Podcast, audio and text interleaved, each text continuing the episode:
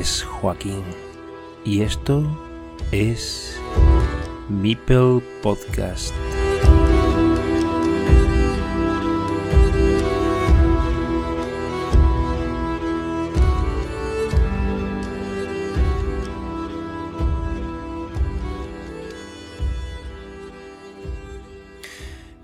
Cambiemos de tercio. En cuanto a la comunidad Carcassonne Spain, ¿qué te parece la iniciativa?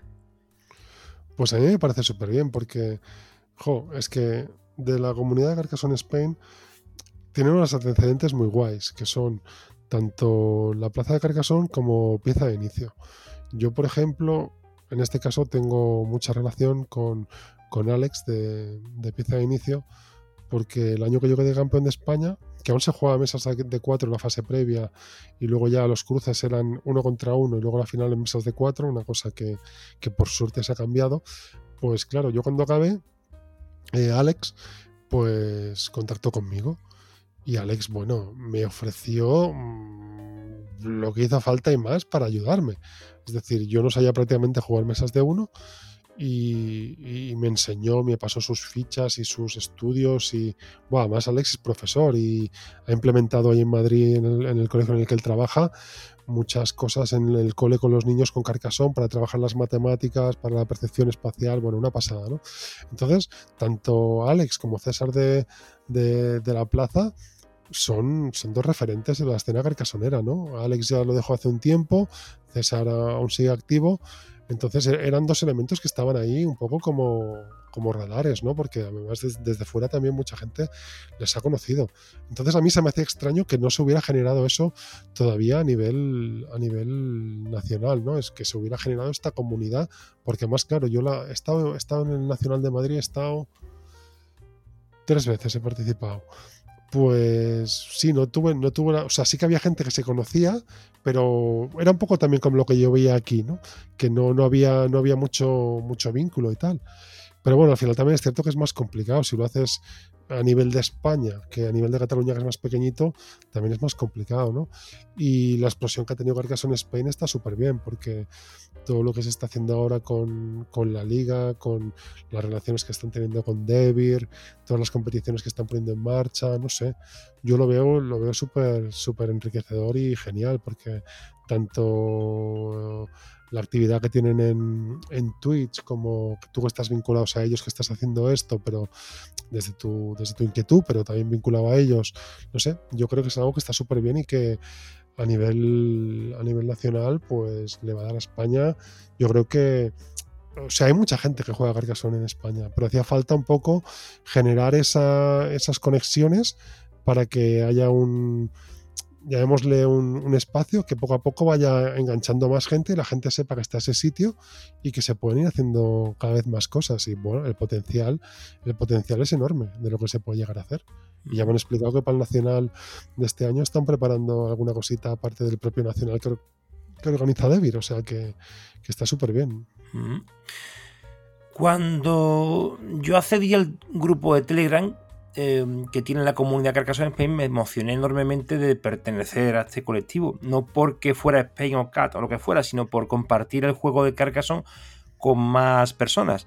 Esto me parecía impagable. Es muy complicado encontrar gente en tu barrio o en tu entorno directo más cercano que participa en una afición tan nicho como esta. Mi curiosidad es que a ti también te conocía, aunque poco, pero había leído sobre Pere Vives. Eh, poco, pero había leído. Y al comprender en ese grupo Telegram que estabas ahí, porque trascendió, no porque yo te reconociera, evidentemente, me surgió doble emoción, al igual que cuando comprobé que había otros campeones de España que tampoco lo sabía que, que estaban ahí, ¿no? Pero dime una cosa, siempre he querido preguntarte esto, sobre todo a raíz de que terminara abandonando el grupo.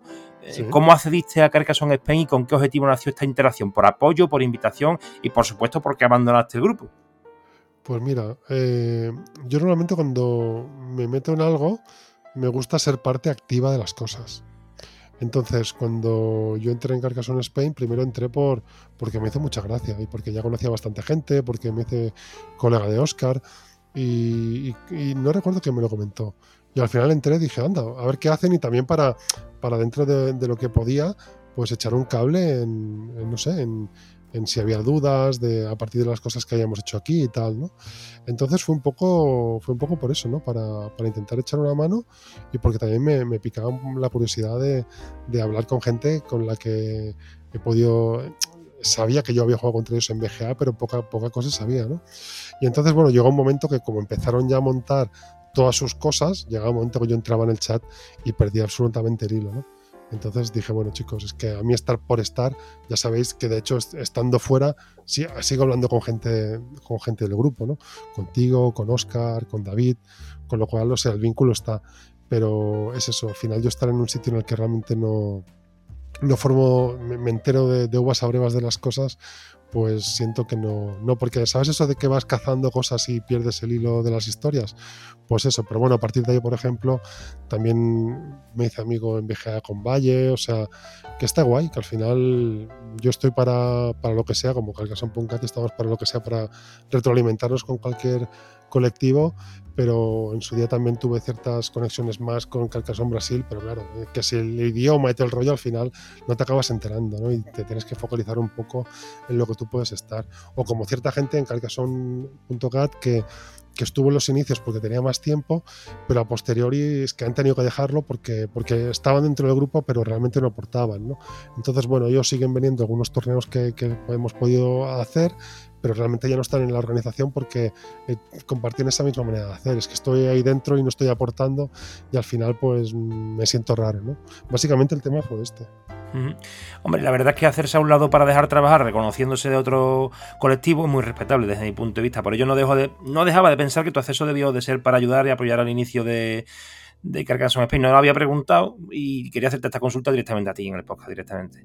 Sí, bueno, y además es que también, o sea, no es que yo me sintiera con, con la obligación de hacer nada ni nada, sino que yo tengo mucho este perfil de que me, me gusta compartir las cosas que me gustan. Mm. Pero es que además ya vi que iba todo tan lanzado que dije, yo es que si cualquier cosa que igual pueda aportar, si es que ya lo, ya lo tenéis más que hablado, ¿sabes? Y está claro que vista la organización y lo súper coordinado que lo tienen todo y lo bien que funciona, la verdad es que, que yo creo que hice, que hice lo correcto.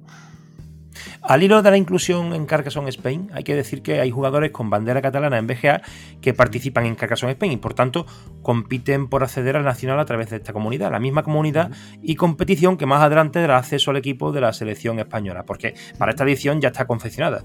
Este hecho es una realidad y hay un miembro que perteneció anteriormente al punto CAT que continúa su andadura, su andadura por Carcassonne Spain debido según él, a la imposibilidad de hacerlo en Carcassonne.com, motivo argumentado por el jugador que la obligatoriedad para acceder a la competición que proclama, proclama el vencedor catalán de estar presencialmente en determinados eventos, no solo online, y por circunstancias personales de no encontrarse en Cataluña y no poder cubrir este requisito, decidió apostar por su acceso a través de Carcassonne Spain, cuyas clasificaciones de momento pues, son íntegramente online. ¿Cómo ves que jugadores potenciales de la comunidad .k pues, se desvanezcan un poco de, ese grupo, de ese colectivo y, aparezcan en Carcassonne Spain?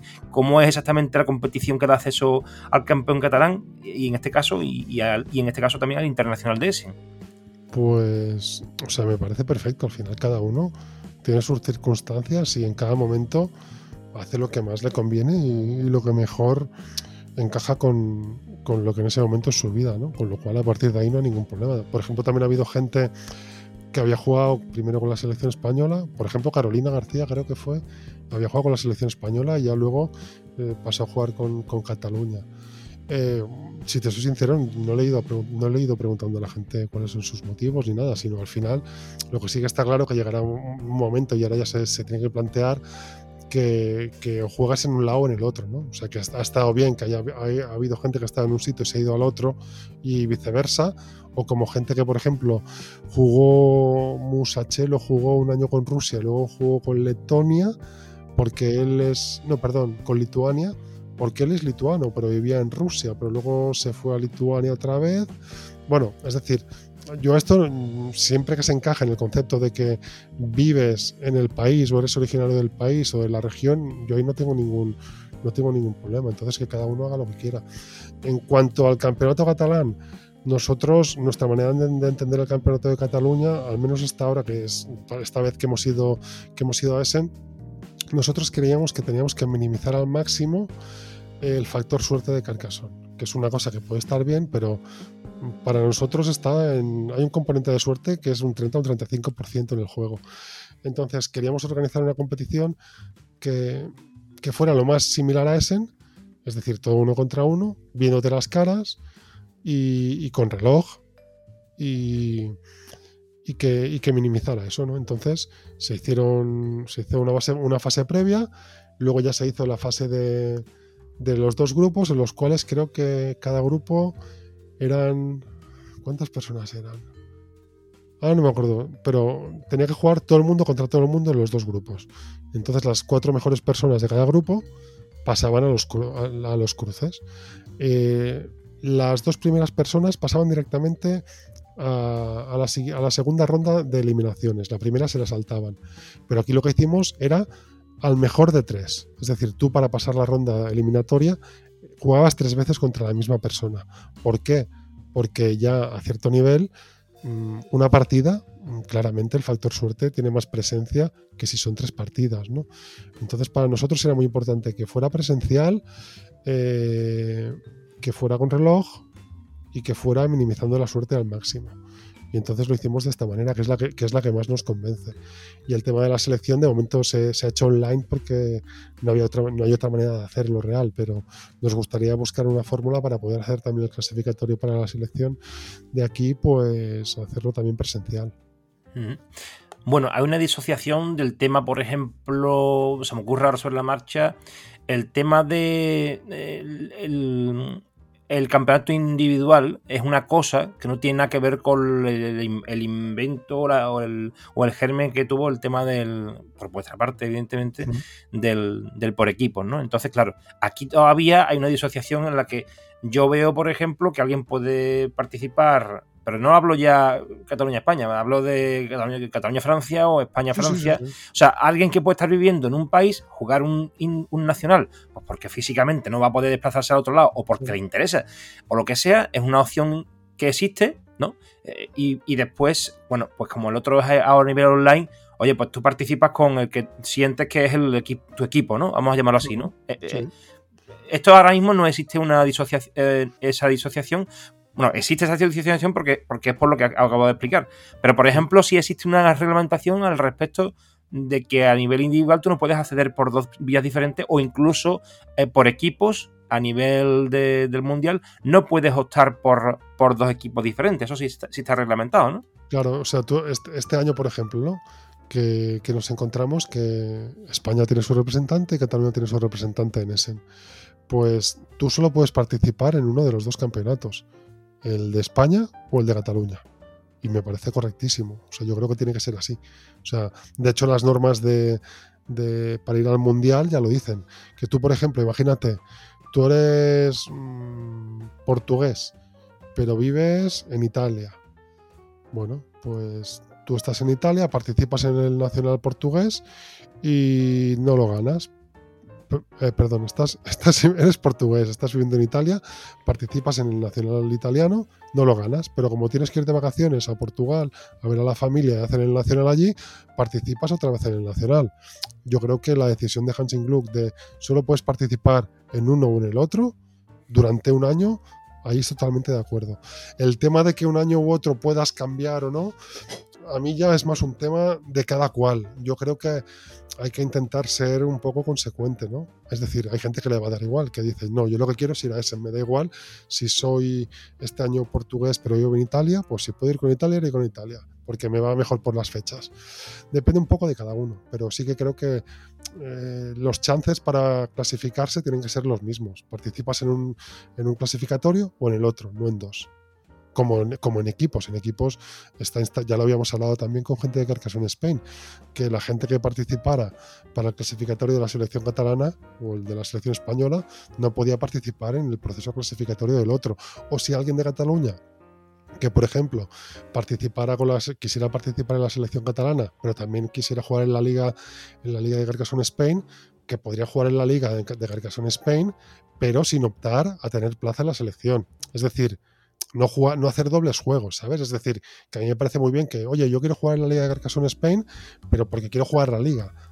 porque yo, o si fuera al revés, ¿no? Una liga catalana, pero quiero jugar con la selección española. Pues bueno, pero yo creo que, que hay que jugar un poco con las mismas posibilidades todo el mundo.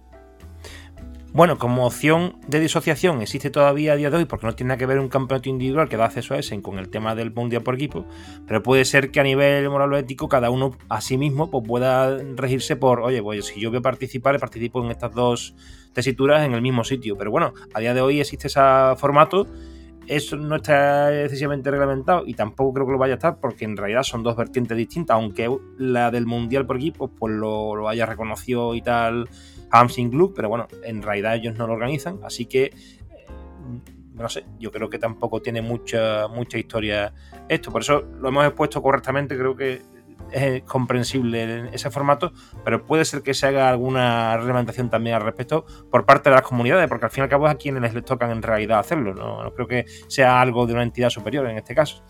Bueno, al final, ¿sabes cuando antes hablábamos de lo que eh, se aspiraba a nivel global, de ir haciendo con, de lo que te decía Melvin, de los proyectos que podemos hacer a nivel internacional, pues nuestra idea al final será intentar estandarizar ciertas cosas que para participar en los campeonatos internacionales y que a la vez también sirvan de referencia para los campeonatos nacionales, para quien los quiera, quien los quiera adoptar, pues generar unos estándares que se puedan seguir, ¿no? Y que al final fueran unos estándares marcadas para tanto equipos como para competiciones individuales es una de las cosas que, estará mm. sobre la mesa seguramente cuando esta, este concepto de asociación internacional vaya cogiendo más forma. En la entrevista a David Escribano, que me perdone Estroncio, mm. ha surgido una confusión entre uno de los dos, yo y él.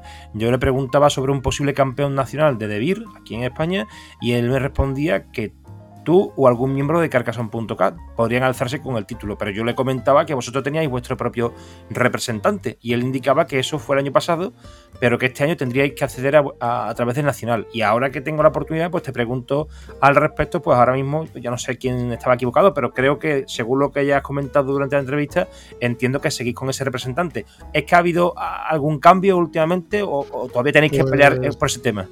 No, pues hubo, un lapso de tiempo en que no estaba muy claro si, si había. Si, es decir, el año pasado Cataluña debutó en el campeonato de Essen como agradecimiento de Hansing Club pues por nuestra labor eh, organizando todo lo que organizamos y quedó muy claro que era así.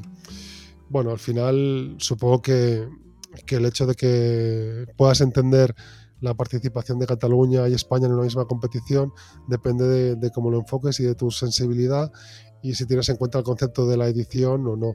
En este caso, es lo que te comentaba, nosotros eh, siempre hemos dicho que teniendo la edición en catalán y como en otros muchos juegos, y además tú entras en la web de Hansing Club y habla de ediciones y la edición catalana aparece como edición propia, ¿no?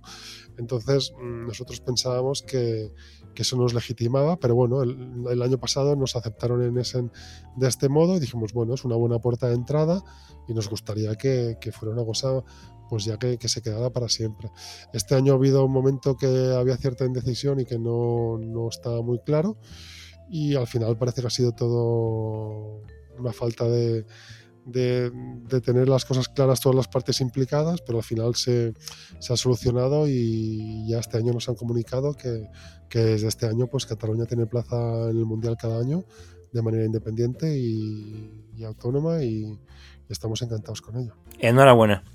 Eh, eh, haciendo un símil, de un miembro del punto, del punto CAD que te comentaba antes que juega ahora en Carcassonne Spain, podría. Bueno, te voy a hacer esta pregunta ya como última en relación a este tipo de preguntas ¿no? que te estaba haciendo. ¿Podría yo, por ejemplo, que soy de Sevilla, jugar en el combinado catalán o acceder al campeonato individual que proclama el campeón catalán? Y si fuera así, si, tú, si, tú vives, si tú vivieras en Cataluña, sí. Vale, pero te refieres al, al combinado catalán en este caso, que es lo que primero que te he preguntado, ¿no? Sí, es decir, si tú ahora, por ejemplo, tú eres de Sevilla, pero estás viviendo en Cataluña, y tú estás aquí y te clasificas con la selección catalana, pero vives en Cataluña. Nosotros, por ejemplo, en el equipo catalán hemos tenido mucho tiempo a David Bourdois. David Bourdois es francés, pero David Bourdois vive en Cataluña. Defdean. Defdin, sí. Pues David, eh, David ha jugado con la selección catalana. Porque él vive aquí. O sea, las condiciones son un poco las, las, mismas que, que pone Hansin Klug, ¿no? Tú, por ejemplo, eh, un buen ejemplo, Alexei Pegushev, eh, el año pasado, él es lituán, es letón, pero él participó en el nacional inglés. ¿Por qué? Porque creo que él estaba viviendo en Inglaterra. Pues al final lo, lo que se pide es que la gente sea de nacimiento de un sitio o esté viviendo en ese sitio. Entonces nosotros con eso no tenemos ningún, ningún tipo de problema. Que alguien de Madrid que vive aquí juega con la selección catalana porque vive aquí, pues genial. O sea, no. Nosotros estamos aquí para, para, aunque pueda parecer lo contrario, para integrar, pero desde la singularidad y desde lo que cada uno sienta que quiere, que quiere representar. Hay mucha gente en Carcassonne eh, .cat, que así como hay algunos, ya, ya, abro aquí un poco un tema que a cierta gente igual no le hace gracia, pero hay gente que tiene un sentimiento más independentista, otra gente que no, pero hay mucha gente que, que es totalmente anti-independentista, pero que forma parte de Carcassonne.cat y que le gusta jugar con Carcassonne, con la selección catalana y no con la española, porque, se, porque quiere representar a su colectivo, al colectivo de, de aquí, de Carcassonne.cat, ¿no? Pues al final, o sea, no creo que tengamos que llevarnos, irnos a los extremos, ¿no? Hay que entender que, que hay muchas maneras de entender las, las, realidades y los sentimientos de cada uno y siempre que estén dentro de, de unos conceptos preestablecidos, que en este caso son o eres de ese sitio o vives en ese sitio, yo a partir de ahí no le veo ningún problema. ¿Cómo le ves tú esto? Eh, verás, yo soy respetuoso, no me gusta entrar en política, pero este tema lleva un poco a eso. Lo que pasa es que no me gusta hablar de este tema. Pero ¿qué pasa eh, con, esto? Esto es un juego de mesa. Entonces, eh, pues coño, vamos a divertirnos todos, ¿no?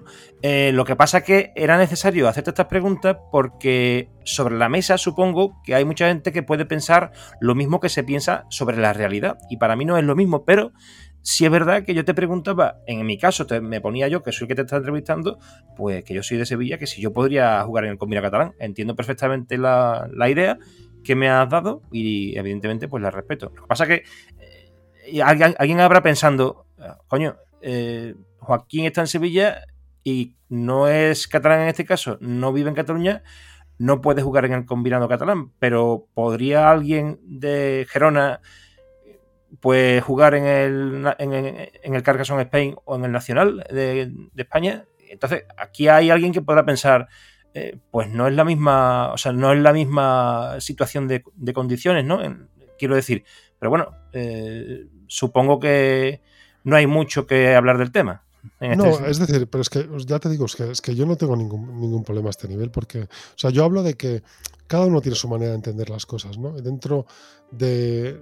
Hay un marco en Cataluña que es el de el colectivo Carcassonne Poncat y la escena de una edición, y esa edición se ciñe pues a, a, lo que pasa con otras ediciones, ¿no?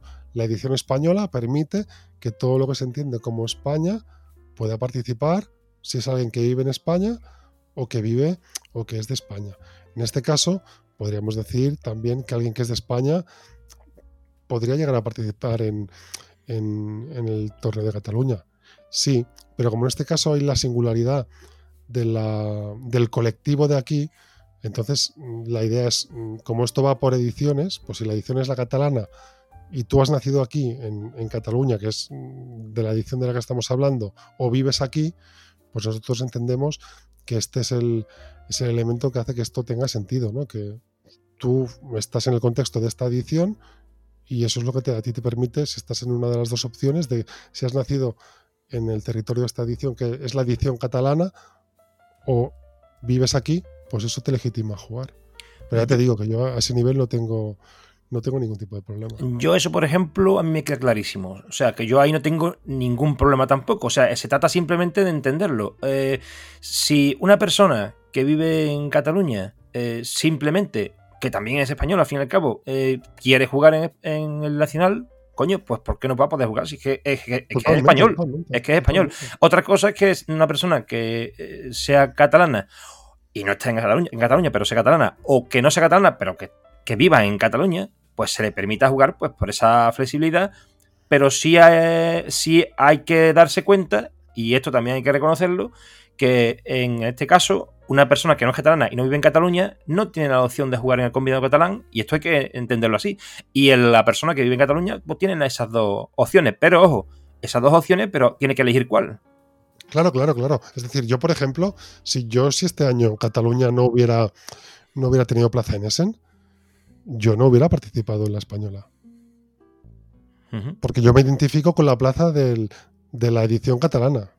en su día Mm, participé con España, porque en, ese momento es la realidad que había, pero una vez se genera esta, esta, otra realidad, que es con la que yo me siento más cercana, pero que no quiere decir que, que, no me guste la otra ni nada. Pues yo creo que en el momento en que me posiciono por, por una, que es esta, mm, pues yo ahora ya tengo que ser consecuente en esto, ¿sabes? O sea, cuando tengo la opción de representar a la, opción que, con la que yo más me siento identificado, pues yo creo que tengo que ser consecuente. Pero hay gente que le da igual. O sea, hay gente que igual un año querrá jugar con una y otro año querrá jugar con la otra. Pues que tampoco me parece mal, ¿sabes? O sea, al final somos ciudadanos del mundo y a veces la gente siente una cosa, a veces siente la otra y a veces haces una inflexión y dices, no, no, pues yo realmente he estado ahí, pero ahora que estoy aquí, realmente este es mi camino, ¿sabes? O sea, ¿Quién no en la vida ha visto las cosas mm, de un modo y luego se ha dado cuenta de que realmente en lo que se siente más a gusto es lo otro? Pues, o cuando se ha encontrado con la oportunidad de, representar a la zona o el sentimiento que, que al más le toca, pues no, porque tiene que, que, cambiarse si, si, no tiene la opción de hacerlo. Pues no, yo, yo, tenía muy claro, si este año no sé, no había plaza catalana, pues yo no, no, iba a tener mi oportunidad de ir a Essen. La sigo teniendo, pero la sigo teniendo como toda la gente que se presenta aquí. Y eso no quiere decir que tenga que ir. Eso va mucho con cada uno y con, con, cómo piensa y entiende las cosas. Vamos a dejar el Pere organizador y pasemos al Pere jugador, aunque ya te he hecho alguna pregunta antes. ¿Cómo se definen tus maneras, tu estilo de juego en Carcassonne competitivo? Buah, ¿cómo me defino? Yo lo que creo es que, primero que, claro, como ahora juego físicamente muy poco, pues físicamente no te lo sé decir ahora mismo. Pero online soy un jugador muy rápido, súper rápido que no me focalizo demasiado en el bloqueo, no me focalizo... Es decir, yo creo que soy un jugador que si en algo me centro es en descubrir lo más pronto posible eh, el tipo de partida que se va a dar. O sea, creo que soy un jugador bastante que puedo, tengo un estilo bastante flexible. Y entonces, mm, eso, creo que tengo un, estilo, un estilo bastante flexible. Soy incisivo, es decir, cuando tengo que atacar, ataco, pero también me defiendo. Y si ahora te tuviera que hablar del pera físico, no lo sé, porque ahora, claro, se juega tan poco el físico que ahora en cuanto volvamos a hacer campeonatos más a menudo, volveré a conectar un poco más con ese pera que piensa más y que se toma las cosas de otra manera, pero seguramente seguiré mucho por el camino que me ha llevado el online en este tiempo, ¿no? En el, yo sobre todo lo que intento es rapidísimamente ver de qué tipo de partida estamos, estamos tratando. Me queda claro que eres de mm, una persona adaptativa en el juego, en el sentido de que es, bueno, según la partida, pues va eh, derivando a, a, una, estrategia o a otra, en este caso. Supongo que hay gente que se, bueno, llega a un punto de un nivel determinado, se come mucha cabeza con el bloqueo o intenta evitar que a lo mejor le vayan a bloquear a él y eso le impide que aunque vaya a quedar un miplodo atrapado, haga jugadas en las que está perdiendo puntos en realidad. O sea que tú lo que haces es adaptarte en ese sentido a la partida y al jugador que tienes enfrente. Sí, y una de las cosas que yo tengo muy en mente es, intento, por líneas generales, ese concepto de descartar losetas que no me sirven, yo intento encontrarles a todas las losetas alguna utilidad. Mm. O sea, no me gusta tirar losetas de por sí. Si hay algo que no me sirve, lo intentaré poner de un modo para hacer que ciertas zonas del, del tapete sean menos practicables, por ejemplo, o hacer que la granja que está intentando crear mi, rival pues sea menos trabajable para que no crezca. O sea, intento aprovechar bastante las losetas. Y no soy un jugador de, mm, bloqueo enfermizo. Me gusta ir al bloqueo, sí, cuando realmente veo que tiene sentido. Eh, Hace, cinco años ya que ganaste el Campeonato de España en 2017 y en aquellos momentos pues se dilucidaba las partidas a cuatro. Has comentado antes también sobre ello, si no me equivoco. Eh, quería preguntarte por esa experiencia, cómo viviste aquellos momentos, qué diferencias existen respecto al momento actual que atravesamos. Buah, es que eso, eso fue muy heavy. Eso, claro, es que casi nadie, casi nadie lo sabe. Yo es que gané mi primer campeonato de Carcassonne aquí, en Barcelona, dos días antes de que se muriera mi madre. Y obviamente no podemos comparar una cosa con la otra, ¿no? Pero mí me hizo mucha ilusión ganar el campeonato de. El campeonato de este que gané en la Sagrera, en mi barrio. Y es curiosamente que el mismo día gané dos torneos. Gané uno por la mañana y gané uno por la noche, que fueron los primeros torneos que he ganado jamás de Carcassonne, ¿no? Y ya te digo, a la nada se murió mi madre. Entonces me quedó como, claro, un cuerpo horroroso, ¿no? ¿Qué pasó? Que por ese momento, pues yo necesité desconectar y me fui un mes de vacaciones a Irán y me llevé el Carcassonne allí, ¿no? Sabiendo que yo ya tenía plaza para ir al Campeonato de España. Y bueno, yo enseñé allí, me hospedé en Irán a través del país en casa de, en casa de gente, que yo creo que es como se conocen los países de verdad. Y disfruté mucho, ¿no? Enseñando a gente a jugar a Carcassonne y fue muy chulo. Y, me preguntaba, anda, ¿y tú esto? Le digo, pues mira, voy a ir al Campeonato de España, tal y cual. Y me decían, hala, hala, hala. Claro, realmente tampoco conocían el juego ni nada. Y era como que le daba mucha importancia. Les digo, no, no, pues si yo no tengo, yo no tengo mucha idea. Y nada, pues nada, llegué a Madrid y ya debía hacer, no sé, unos tres meses que murió mi madre, ¿no? Y por el mal gusto ese que me quedó de cómo fue todo, dije, va, vaya, a, a nivel simbólico, me voy a intentar dar el gusto de ganar una partida y dedicársela a mi madre. Y yo empezó el campeonato, la primera partida quedó el último. o sea, empecé el campeonato quedando el último. Segunda partida de cuatro, la ganó bastante bien. Y aquí viene uno de los puntos más fuertes del día. Tercera partida. Eh, era la típica partida que todo el mundo lo estaba destrozando todo. Pero había una ciudad que estábamos compartiendo los cuatro, que si alguien se apoderaba de ella, se llevaba la partida. ¿Qué pasa? Que yo consigo poner un trampolín y luego una loseta. Bueno, ahora le llamo trampolín, en su momento, en su momento no le llamaba trampolín ni nada. Y consigo sacar una pieza para conectarme. Y justo antes de mi turno le sale a un chico una loseta para bloquearme. Pero ¿qué pasa? Que ese chico no tenía meeples. Y claro, el chico pensó, yo necesito meeples porque aquí queda un tercio de partida todavía. Y el chico puntúa sus cuatro puntos, creo que fueron de, un círculo de, camino. Y, otro de la mesa le dice, ¿pero qué hace? le dice, bloqueale. Dice, bloqueale, que, que, si no nos va a fastidiar. Y el chico mira y dice, ah, no, no, digo, y digo, a ver, tú ya has cerrado esto y has contado los puntos, no puedes echarte para atrás, ¿no? Y el otro se puso como muy cabezón y le dije, a ver, sinceramente, o sea, las normas son muy claras. Cuando esto ya está contado, aquí no te puedes echar para atrás. Bueno, al final se frenó. Y claro, yo en ese momento tenía la loseta para hacer mayoría, ¿no? Y gané esa partida. O sea, pero con esa situación súper extraña, ¿no? Y de, y de yo teniendo la loseta en la mano y viendo que el otro me podía bloquear y no lo hizo. Y fue como, wow, qué bestia. Bueno, a partir de ahí llegaron los cruces. Primera partida de cruces, la ganó súper cómoda. Ya te digo, yo no sabía prácticamente jugar uno contra uno. La segunda partida de cruces, juego contra un chico que jugaba súper bien, pero súper bien. Me estaba dando un repaso de campeonato.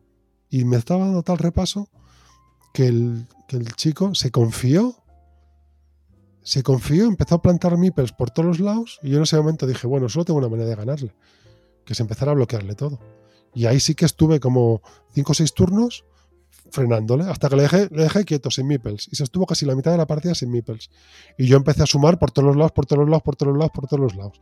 Y al final yo recuerdo que cuando hacíamos el, recuento final quedaba una granja y yo realmente no, sé cuántas ciudades había ni nada, pero debía perder de unos 20 o así.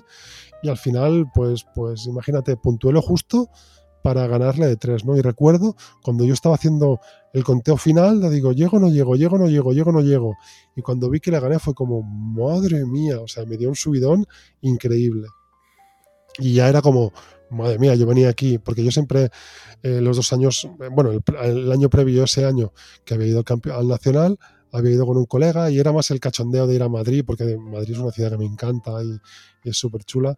Y, y era más el ir a pasármelo bien, ¿no? Que en ningún momento. De hecho, habíamos hecho la coña, como el año anterior habíamos ido y habíamos quedado, yo creo que queda el 130 y mi colega el 80, dijimos, venga, va, si este año quedamos el 50 o el 60, ya será, ya será un gran logro. O si ganamos una partida, será tremendo. Y bueno, me planteé en la final que había. que había dos chicos, éramos tres catalanes y un chico creo que era de Navarra. Y bueno, era una partida 4, que era como bueno, una final a 4 después de, dos cruces individuales. pues la partida fue un poco, yo hice un kamikaze. Había otra ciudad grande compartida que yo dije, esto para mí. Y justo me hacían falta eh, dos, dos losetas de ciudad de mazacote de tres lados, ¿vale? la, Sillita, de pony. Pues me hacían falta las dos que quedaban. Y me salieron las dos prácticamente seguidas. Y me hice con la ciudad grande. Y gané la partida. Bueno, te aseguro que fue una sensación alucinante el perder la primera y ganar luego una, dos, tres, cuatro, cinco partidas seguidas fue como, madre mía, es la última cosa que te esperas en el mundo, irte a Madrid con 160 o 140 personas, sabiendo poquísimo de jugar a Carcassonne y llevártelo. O sea, fue, fue, fue alucinante. Imagínate que esto me dio el, feeling este de al volver, pues empezar a liar todo el tema de, de Carcassonne.cat para compartir pasión y, y, juntar inquietudes. O sea, no, fue, fue una experiencia maravillosa. O sea, lo recordaré toda la vida eso. Claro. Y a toro pasado, pues, coño, ver que ha jugado las eliminatorias después de un previo, que vale que sea por, de cuatro en cuatro, ¿no? Para, para englobar a un montón de gente, pero después ya, la final a cuatro, qué cosa más rara. A, visto, a, toro pasado, ¿eh? Porque claro, en ese momento a lo mejor tendría sentido, pero lo ves ahora pensándolo. no, tiene sentido enviar a un campeón de un territorio al mundial que se juega en partidas de uno contra uno, hacerlo así. Mm. Pero yo supongo que, que, que De debía tener sus motivos y bueno, igual sus motivos son unos y los que, los que ahora con el tiempo le vemos más la parte, llamémosle competitiva, de, de, que vaya alguien más o menos capacitado, pues vemos que no tiene ningún sentido enviar a alguien que, que gana un campeonato donde la mayor parte de partidas se juegan en, en mesas a cuatro. Por suerte lo han cambiado y ya no digo eh, la totalidad de la partida o la mayoría, sino que un previo de cuatro y después cuando empiezas a jugar uno contra uno, la final la juegas otra vez a cuatro. sí, sí, sí, eso tiene menos sentido todavía. Todavía, todavía. Sí, sí, es, mm. como, es, como alucinante. Pero bueno, yo creo que David en ese momento decía que bueno, que al menos enviamos, lo hacemos para que la persona que vaya a Essen también demuestre que sabe jugar uno contra uno. Creo que esa era la argumentación que tenía. Háblanos precisamente de tu viaje a Essen y tus sensaciones sobre la final o la fase final del Mundial individual. Pues mira, te hago, un pack de las dos, que será más rápido. La primera vez fui, fui sabiendo una quinta parte de lo que sabía este año y con el mismo miedo que tenía Oscar. Oscaridis esta vez que, fue, que, lo decía, ¿no? De, uh, me va a meter una paliza, no sé qué, ¿no? Pues yo la primera vez fui con la expectativa de a ver si gano una partida. Y me encuentro que gano dos partidas seguidas. La segunda que gano se la gano a Martin Mohdis, campeón del mundo checo. Y yo estaba como alucinando, digo, he ganado dos partidas. Luego la tercera la perdí contra un austríaco muy bueno, te hablo del primer año, el que representa a España. Y perdí muy justo. La cuarta se la gané una chica, creo que era noruega o danesa, no recuerdo bien. Y la quinta, que si la gano me meto octavo o séptimo, la perdí contra un italiano una partida que la tenía ganada, pero ganada. La única manera que tenía el de ganarme era unirme dos granjas. O sea, igual lo que digo es un poco una inconcreción, pero creo que solo las unía con dos, con dos iglesias que quedaban, ¿vale? Y quedaban, no sé, siete u ocho losetas. Pues al tío le salieron las dos. Claro, probabilísticamente tampoco es algo muy improbable, ¿no? Pero para mí en ese momento fue como, no me lo puedo creer. O sea, llevaba la partida súper encarrilada y al final pasó eso y me quedé, pues nada, me quedé treceavo y quedamos empatados desde el, desde el 17 hasta el séptimo. Quedamos todos empatados con las mismas partidas, pero bueno, el diferencial de puntos nos, dejó fuera. Pero claro, yo estaba ya encantado, ¿no? Yo iba a ganar una partida y al final gané tres, ¿no? O sea que, fue, que fue súper chulo. Y este segundo año, pues la verdad es que y lo explico y no es, no es para nada una excusa. ¿eh? O sea, yo este año sabía muchísimo más que, que, en aquella primera ocasión. El problema que tuve es que, bueno, yo tengo unas historias de espalda que a veces me dan y, y justo el día antes del, del, Mundial, pues me quedé clavado de las cervicales con unos mareos de caballo y tal. Y nada, me, o sea, fui a jugar dopado perdido, con relajantes musculares y con antiinflamatorios, porque claro, o sea, estaba, me encontraba muy mal, mareado y tal pero dije, estoy aquí, tengo que jugar. ¿no? Y la verdad es que no, no, tuve un día nada fino. Gané la primera contra un ruso muy bueno, luego perdí la segunda contra Nuno, el portugués, un chaval que la partida fue muy apretada y que, que cualquiera de los dos se merece ganar, porque no fue una partida desigualada ni nada, sino que los dos creo que jugamos bien las cartas y él quedó cuarto al final Luego, eh, como me quedé así un poco decepcionado, perdí contra un chaval noruego, que este lo digo con todo el cariño del mundo, es un chaval, era un chaval que era bastante flojito. Solo que, ¿sabes esa típica partida que tienes a alguien a punto de bloquearle tres o cuatro cosas muy claras, pero que no te sale absolutamente nada? Y cuando le vas a bloquear, te salva una ciudad inmensa tres o cuatro veces, o dos o tres veces, y no se la bloqueas y al final esa típica partida que te cierra en una ciudad que es incerrable y consigue cerrármela cuando quedan dos o tres losetas. Y me metí a una ciudad de, no sé, 38 puntos una, una burrada así. Y ya luego jugué la cuarta. Bueno, estuvo muy bien porque como ya estaba fuera, ya estaba más relajado. Y me encontré en la cuarta partida con, con Rubén, un chaval de Hungría con quien tenemos muy buena relación, que está por Barcelona hace poco que, se, la, se, la, gané yo, que realmente pobre tuvo muy buena suerte. Me vinieron a mí las rositas súper encaminadas y él podía haber intentado hacer milagros que no, no, no, me pudo, no podía ganarla, porque o sea, es de esas partidas en que, que la suerte la, las demarca. Si sabes jugar mínimamente bien, la suerte la, la decanta. Y la última la, la, jugué contra Vladimir Kovalev de Rusia, también campeón del mundo, ya que ya conocía. Y fue una partida súper apretada que me la ganó creo que el de 3 o 4 puntos y que más o menos fue como, como la, del, la del ruso, que los dos jugamos bastante bien, no hubo errores gordos ni nada. Pero bueno, sí, sí que me quedé decepcionado porque yo esta, en esta ocasión mi intención era pasar el cruce. O sea, yo iba con deseos de pasar el cruce.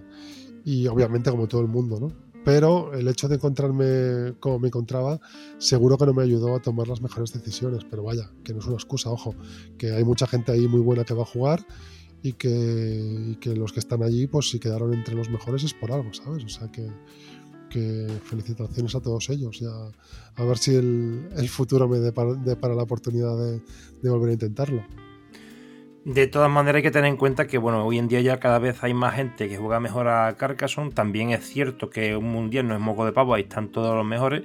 Y por otro lado, evidentemente, a una partida casi en ese nivel sí, ya sí. te puedes tener, necesitas un poco de suerte porque es muy complicado. No pasar una partida o dos, sino llegar a la final y ganarla encima. O sea, que es bueno, Oscar, Oscar tuvo un recuerdo, creo que fue la partida contra Melvin que la podía haber ganado y al final la combinación final, pobre Oscar, sé que, o sea, Oscar estuvo a punto de hacer el debut eh, increíble, o sea, estuvo a punto de, de, meterse entre los ocho mejores y las dos últimas partidas, pues le faltó, creo, le faltó suerte, sinceramente, porque, porque lo tuvo a tocar, realmente. Sí, los dos representantes de, de, España en este caso perdieron contra los dos finalistas, lo cual sí, por lo menos les deja el sabor de boca de que, bueno, al menos han perdido contra los que han estado ahí en la final de, de ese, ¿no? Y lo que hace mucho, creo yo, el, primer año, si vas. ¿Cómo te lo dirá? Si tienes la presión de intentar ganar alguna y que no te metan una paliza. Pero si empiezas bien, que es lo que me pasó a mí el primer año, como empezó todo muy bien, pues ya te sueltas, ¿sabes? Y eso también, creo que también es un factor importante. Debutar y poder ganar la primera partida te hace, no sé, poder jugar un poco más suelto. Y eso sí que, eso sí que yo lo recuerdo de un año al otro. El debutar y ganar una y te quitas el peso de encima. O sea que eso también ayuda. Obviamente que yo quien conozco de los dos es a Oscar. Y Oscar es un jugador que hemos jugado en la BGA un montón y es un tío súper incómodo y que, joder, juega de maravilla. ¿Te dio tiempo a pasarte por la feria? Debe de ser curioso, ¿no? Cuando, cuando menos, ¿no? Una, una, feria como esa de los juegos de mesa, ¿no? Sí, la, fe, la feria de Essen a mí me, me alucinó más el primer año y te diré por qué. Porque, a ver, aquí en la península cultura de juegos de mesa la hay. Pero yo cuando he ido a sitios no tengo la sensación de ver a gente de tantas distintas edades eh, mezclarse tanto y jugar a, juegos de mesa tan variopintos, ¿sabes? Fuera de los más estándares que hay siempre en todas las casas, ¿no? Y claro, cuando llegas a Essen y ves tantos pabellones enormes, inmensos, eh, con gente de todas las edades, jugando a juegos que, ¿sabes? Esos juegos que no te imaginarías aquí a cierta gente de cierta edad jugando a ciertos juegos y lo ves y los ves allí y dices, madre mía. O sea, fue alucinante ver un, un público tan transversal, jugando juegos tan distintos, mezclados unos con otros, para mí fue alucinante. Decir, madre mía. Supongo que el clima era bastante ¿eh? también, que, que, el clima ayuda a que la gente eh, haga cosas más indoor que outdoor, ¿no? Y, pero eso fue alucinante, o sea, me pareció, me pareció increíble. Me, me quedé helado. Eh, ¿Quién te sigue impresionando como adversario en el uno contra uno? Y aquí admito presencial o más bien en BGA, diría yo, ¿no? Mira, a mí, a pesar de que ha estado un tiempo retirado, de, la comunidad catalana eh, hay dos jugadores que me dan un miedo enorme siempre. Uno es Tony Sule, que lo hemos tenido un tiempo apartado, pero creo que ahora está empezando a volver a jugar. Y Dev Dean, que va, Dev Dean es, es un crack, es, es una pasada como juega este chico. Y que es David Burda. Luego, a nivel internacional, pues a mí me encanta jugar contra Pinder. El tema es que hemos jugado tanto con Pinder que lo que puedo, lo voy a decir ahora pues suena un poco pretencioso. Pero yo a Pinder ya, yo ya sé cómo juega Pinder. Entonces, yo con Pinder, pues no sé si debemos tener un, un, un 60-40 a su favor o un 58-42, algo así, ¿vale? Entonces yo con Pinder me lo paso genial porque a mí me parece el mejor jugador de todos los tiempos y a veces le gano, con lo cual mola porque me hace sacar lo mejor de mí, me hace aprender un montón y buah, disfruto mucho porque hace cosas que yo sigo muchos días viéndole y digo, ¿qué ha hecho este tío? Y luego al final me doy cuenta. Luego también me gusta mucho jugar contra, te lo habrá dicho mucha gente, contra Nocivo, que, que, ahora está pasando por una época, el otro día hablaba con él, que está jugando distinto. Le dije, ¿estás jugando distinto? dice, sí, pero llevo una época que no estoy muy fino y estoy probando cosas, pero Nocebo es, es un bestia de las granjas, que es, que es una pasada. Y luego también me gusta mucho jugar contra Melvin, básicamente porque Melvin tiene un estilo de juego súper agresivo que me ha costado un montón. Cuando digo agresivo me refiero a que a que yo tengo un perfil relativamente conservador en ciertas posiciones, me, me, gusta siempre jugar en situaciones, llamémosle abiertas, que la llamo yo, ¿no? Que no, que si me quieres molestar o lo que sea, tengas que siempre poner un trampolín y, y que no sea fácil que tú me incordies a mí. Entonces Melvin se expone bastante más, pero porque tiene un control muy constante de todas las losetas que quedan, ¿sabes? Entonces contra ellos me gusta mucho jugar y seguro que me, que me olvido gente. Luego hay gente así un poco random que van apareciendo pero que te, que te mucha pelea. O sea, a veces hay un chico italiano que según la época en que lo pillas, que se llama Capitano, que juega a veces de maravilla y a veces que, que, hace cosas muy raras. Pero a veces las partidas con Capitano son cuando lo veo digo, uy, madre mía, el Capitano, lo voy a pasar fatal. Y luego también, por ejemplo, con Oscaridis. Con Oscaridis fue muy curioso porque al principio cuando jugábamos, y yo creo que él jugaba un poco más, más bastante a saco, para, no sé si para desconectar o lo que fuera, pero yo recuerdo que al principio yo le ganaba bastante a él, hasta que el tío me pilló el rollo y me empezó a dar bastante, bastante candela. Y de hecho, antes de ir a ese, el tío me ganó, no sé si tres o cuatro veces seguidas. Y yo ahí dije, madre mía, ¿qué me está haciendo este hombre? Y luego ya la, la, dinámica se ha ido equilibrando un montón y con Oscar mola mucho porque es el típico rival que no, que no sabes qué va a pasar, ¿sabes? Que puede ganar él o puede ganar tú. Y, pueden haber rachas así. Y luego, por ejemplo, también, pues, a ver, con Alexei también he disfrutado mucho durante cierto tiempo. Y además hemos tenido cosas muy, muy raras con Alexei. Hemos tenido épocas de que él me, me llegó a ganar 12 o 14 partidas seguidas y yo luego le llegué a ganar a él 10 o 11 partidas seguidas. Cosas muy raras, ¿sabes? De componente psicológico, que eso también es súper flipante, ¿no? El cómo puedes llegar a, cambiar el chip de, de, que te gane alguien un montón hasta que le ganas dos y te empiezas a dar cuenta cómo juega. Y bueno, un poco la gente así que más me, gusta jugar o con los que más he, tenido experiencias interesantes durante X tiempo son, son esta gente. Seguro que me dejo, me dejo algunos, ¿eh? Vamos llevando al final de la entrevista, por supuesto superé la larga, ya llevamos dos horas y, quería preguntarte eh, dónde está el salto del nivel a lo que la BGA denomina maestro o a lo que comúnmente llamamos un pro y por ende, ¿qué consejos darías a la, a la hora de aumentar un poco el nivel como jugador? Así más, de forma más rápida, aunque no llegues a, ser un maestro, sino qué, qué utilidades tendrías. En este caso, esas dos preguntas. Yo lo que al final creo es que tienes que tener una comprensión del juego muy global. ¿Sabes lo que te decía de intentar entender muy rápido cada partida por dónde va a ir?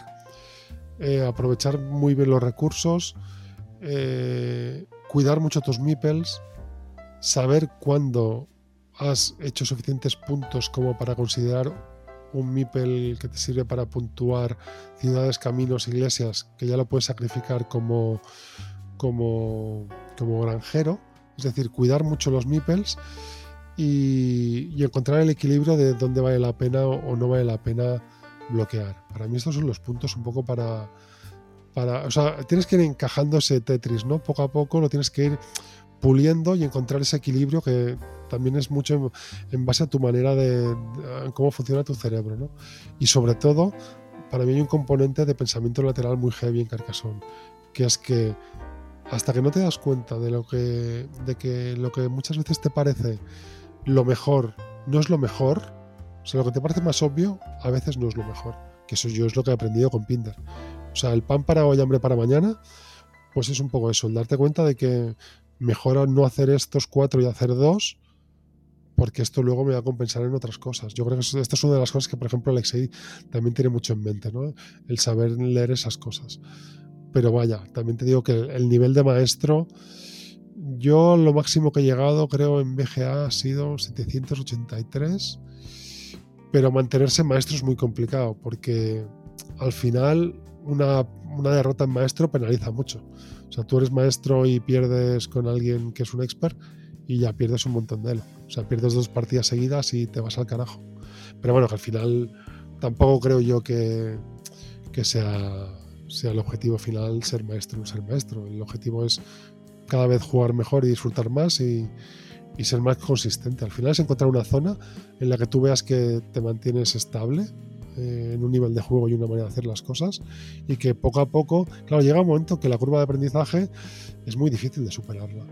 Entonces es esa zona en la que ya para ser un maestro consolidado tienes que ir poniendo esas pequeñas cosas que a la mínima que la suerte o la varianza te, te atacan, pues ahí te quedas, te quedas otra vez y te caes al expert. Pero vaya, que el terreno de expert es, un terreno muy guay y, que maestros de verdad, para mí en la BGA, de verdad, de verdad hay cuatro.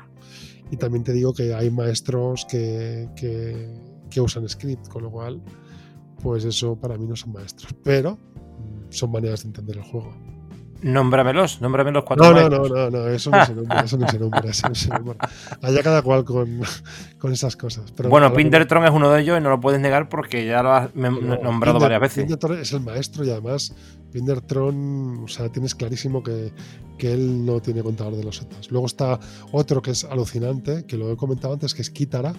Kitara es el jugador que más que agota el tiempo prácticamente casi siempre hasta el final y Kitara tiene la capacidad de saber prácticamente cuáles son las dos últimas tres losetas que quedan. Y Kitara no usa script, porque lo sé, porque he hablado con él y me lo explicó y que no, que pues Kitara es alucinante. O sea, para mí el llegar a, el, llegar a hacer esa gestión de, de, los recursos hasta el último momento, exprimiendo todo el tiempo que queda con partidas con rivales duros, eso para mí también es de, de super maestro, o sea, es una pasada. Bueno, y un, jugador que ya ha empezado, que tiene cierto nivel, que pasa de 200 y tal, y que sabe que puede mejorar, tiene mucho margen de mejora, pero le falta ese empujón, eh, ¿qué es lo que le. ¿A qué le animaría que hiciera para que mejorara más rápidamente? Yo creo que lo que la gente tiene que entender bastante rápido y mucha gente se pierde, que se pierden las granjas. Hay mucha gente que se piensa que el cargasol son las granjas y es un error o sea, hay mucha gente que se obsesiona con las granjas y empieza a tirar granjeros por aquí y por allí. Y al final tú le empiezas a unir granjas porque a veces sabes que en las granjas estás dobladas, ¿no? Que estás por un lado con tres o cuatro y por el otro con tres o cuatro. Pues yo si tú me haces eso, enseguida te voy a unir y tú te vas a quedar eso. Y yo si por poco que me salgan dos iglesias, ya te voy a prácticamente compensar. Pues para mí uno de los errores que tiene mucho la gente que está por esa zona es el, el volverse muy loco con las granjas y el construir en posiciones que son relativamente fáciles de bloquear. Para mí son, pero claro, son cosas que vas pillando poco a poco, ¿sabes? Que te crees que te puedes pedir cada cosa y no te puedes pedir cualquier loseta que, que te sale para construir, ¿sabes? O gente que no acaba de entender que a veces es, bueno, o que lo va entendiendo a su, a su tiempo, que una de las mejores cosas es construir, o sea, una de las mejores maneras de bloquear es construir al lado de las construcciones de, tu rival. O cuando, por ejemplo, una cosa muy típica, tú construyes una ciudad con tapeta a ras de suelo y me sale a mí una tapeta o un dorit, no, una tapeta, ¿vale? Sin camino. Pues hay mucha gente que, que la tumba para, para juntarme y entre los dos cerrarla con un dorito, ¿vale? Eso no tiene ningún sentido y hay mucha gente que lo hace. Eso igual en partidas de 4 puede tener sentido. Pero tú lo que tienes que hacer es ponerte al lado, mirando hacia arriba para molestarle, que tenga menos piezas para encajar y para poder cerrar esa ciudad. Entonces, el darse cuenta de que en un uno contra uno compartir ciertas cosas eh, no tiene mucho sentido. Lo que hay que hacer es construir por tu cuenta molestando al rival. Pero bueno, eso se va viendo poco a poco. Para mí son un poco... Y cuidar mucho los meeples, claro. ¿Qué futuro auguras a Carcassonne y a la plana internacional de comunidades? Pues yo ahora mismo creo que el futuro mm, mm, no soy capaz de imaginármelo. O sea, puedes que pueden pasar tantas cosas, no sé por dónde va a ir, pero a mí me gustaría pensar de que, de que cada vez van a haber más colectivos que, se van a generar de manera pues más oficiosa, como pasa ahora recientemente con Carcassonne Spain, que, que cada vez van a aparecer, llamémosle, más nuevos jugadores que, se enamoren del juego. Pero yo creo que Carcassonne pasó una época así un poco. Pasó un poco un bache, ¿no? De que parecía que costaba que entrase nueva gente, pero yo ahora veo que, tengo la sensación de que hay nueva savia que, se mete, ¿no? Entonces yo creo que, que lo que me gustaría imaginar es eso, que, van naciendo más colectivos, que la gente se va juntando y que va siguiendo un poco toda esta estela que se está generando en estos últimos tiempos, ¿no? De, de asociarte con gente que le gusta el mismo juego y que descubre el gustazo de, que tú lo decías, ¿no? De, poder compartir una pasión con gente en un nicho pues que es muy concreto, pero que, no estás solo, que, hay un montón de gente. Es que hay muchos, es que se han vendido muchas copias de Carcassonne, tampoco nos engañemos, que no está nada mal. Con lo cual hay mucha gente ahí fuera que le gusta el Carcassonne. Solo que a veces pues cuesta, cuesta encontrarlas. Pero no sé, yo, yo lo que veo es un poco eso, que van a, va a haber más asociacionismo de Carcassonne y que creo que a nivel internacional pues podamos llegar a, generar ya esa estructura que, que, ayude que el juego sea más, más reconocido y que, y que se puedan hacer las cosas de un modo... La diversidad está muy bien y yo soy pro diversidad, pero que en las cosas que compartimos a nivel de campeonatos, pues que podamos hacer unos estándares, ¿sabes? Que los clasificatorios, más o menos, aunque no sean iguales, pero se, se, guíen un poco por los mismos principios, ¿sabes? Que sean adaptativos un poco a la realidad de cada colectivo, pero que no haya muchas grandes incongruencias, ¿no? Que la gente que realmente pues va a Essen, pues que más o menos venga de un mismo de un mismo formato, que todos sean, por ejemplo, de mesas de, de uno, aunque en unos sitios pues las hagan de las rondas las hagan de tres o que las hagan todos contra todos o sabes pero que no haya hay más sitios ¿eh? que hacen cosas de cuatro y que los nacionales también consigamos que las eh, nacionales no perdón los campeonatos por equipos de selecciones consigamos que las editoriales eh, se involucren un poco más para que más gente de los territorios descubra que tiene la posibilidad de, de jugar con el equipo nacional que hasta ahora hemos tirado mucho de gente que hemos conocido en los mundiales que quieras o no también son parte de del, público más potente de cada, de, cada, de cada territorio, ¿no? Pero seguro que hay mucha gente desconocida. O sea, aquí en España, mira, en BGA, por ejemplo, eh, hay gente que no está jugando en la liga de Carcassonne Spain y que yo me los he encontrado por la BGA. Gente de 300 y pico, 400, que juegan que flipas, que flipas, pero deben ser jugadores muy casuals, ¿vale? Que juegan a Carcassonne como juegan a 20 juegos pues que gente como esta, no sé, descubra descubra que puede participar con la selección española, por ejemplo, no sé. Sí, queda trabajo por hacer, por supuesto. Claro, claro, claro, pero, está, muy bien lo que se está consiguiendo ahora mismo ya.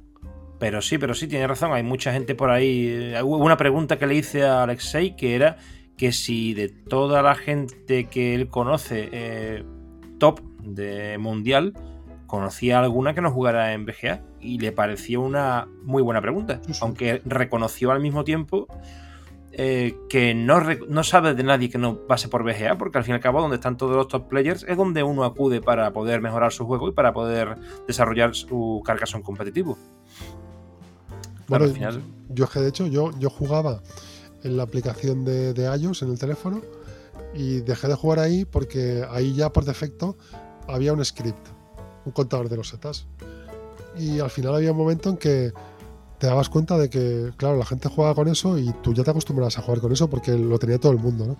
Entonces yo ya sabía que en la BGA jugaba todo Dios y dije, pues me voy a la BGA porque yo iluso de mí pensaba que allí no, o sea, no hay script oficial, pero hay script suboficial, ¿vale? Pero yo me fui allí porque estaban los mejores jugadores, ¿no? Entonces, pues bueno, es lo que tenemos un poco. Mm. Pere, vamos a pasar a las preguntas cortas, típicas de Mipel Podcast. ¿Tu Venga. loseta favorita? Mi loseta favorita, pues va según la época. Ahora hace mucho que no me lo preguntaban. ¿Te tengo que decir alguna hora? Pues no te lo sé decir.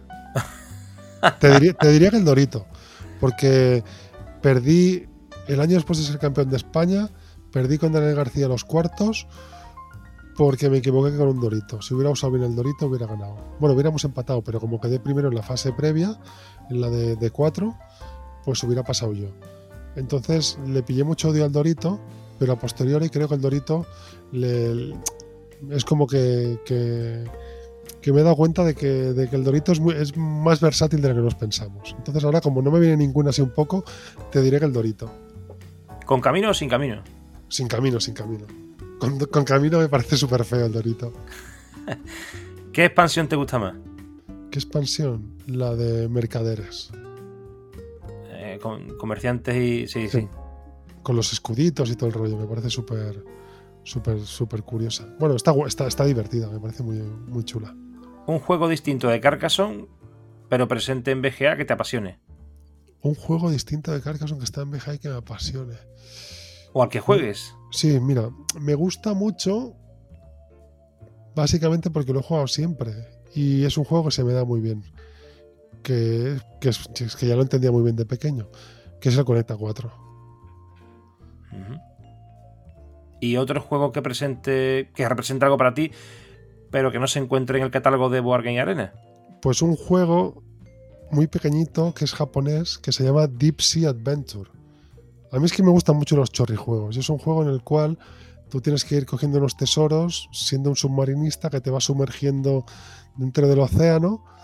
Y, es un juego muy simple de jugar, pero que tiene, o sea, es muy sencillo, pero tiene una estrategia relativamente compleja a pesar de, su, de, su, de su si- simplicidad.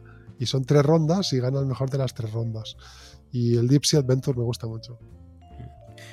¿Has visitado una ciudad al sur de Francia o al norte de Cataluña que se llama Carcassonne?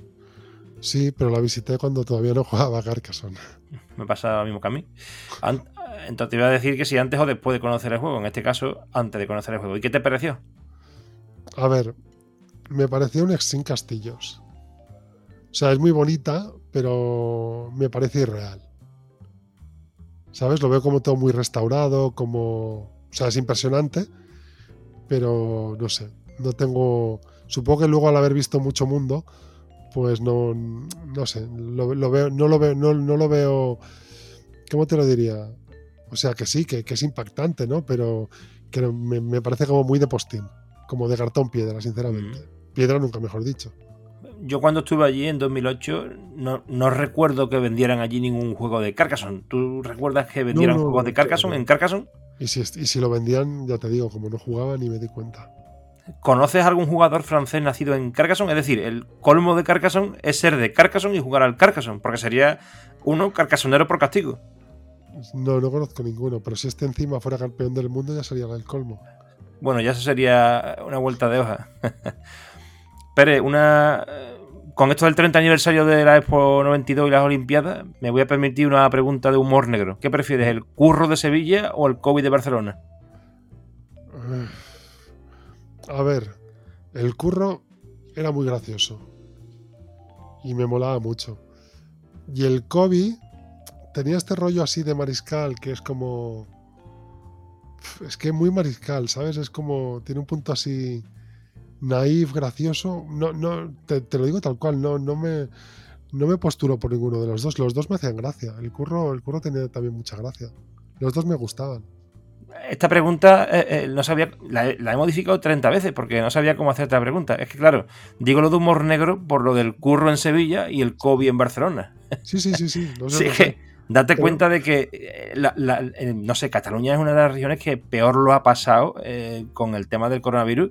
Sí. Y, el, y aquí en Andalucía siempre, no sé, parece que no, eso no se extiende a todo el mundo, pero haciendo un balance de tema laboral, pues la verdad que aquí el, em- el empleo precario no tiene nada que ver eh, a nivel, a nivel de España, pero aquí en Andalucía no sé qué pasa que, que siempre se nos ha ubicado un poco en el tema este de, no sé, del tema del campo, no sé qué. Eh, no sé, lo veo Extremadura, Andalucía lo veo siempre como algo. Siempre la gente ha emigrado, sobre todo en los tiempos de los años 60-70. Precisamente mucha gente a Barcelona, además. aquí, por ejemplo, tienes zonas como toda la corona metropolitana de Barcelona. Tienes Cornellá, Hospitalet, Vila de Cans, que muchísima, muchísima gente que viene de Andalucía. Eh, mis abuelos por parte materna también vienen de Andalucía, o sea que muchísima, gente aquí que, que emigró, sí, sí, totalmente. Sí, de hecho tengo un podcast de mi trabajo, el podcast del cartero, y te entrevisto a un compañero que es de mi misma unidad de trabajo y él es de hijo cartero, eh, o sea, perdón, de padre cartero quiero decir, y él, este, este, este hombre, pues bueno, fue allí a, creo que fue a Cornellá o a no sé. Y estuvo allí trabajando porque aprobó la posición y se lo mandaron para allá porque es donde más trabajo había en aquella época. Y bueno, allí conoció a la que fue su mujer y este chico pues nació allí y después se vinieron para Sevilla. Y sí, eh, dijeron que habían eh, hecho allí la novena, le llamaban ellos la novena provincia andaluza, porque al fin y al cabo había muchísima gente de Andalucía allí. Sí, sí, es una pasada, es una pasada. Sí.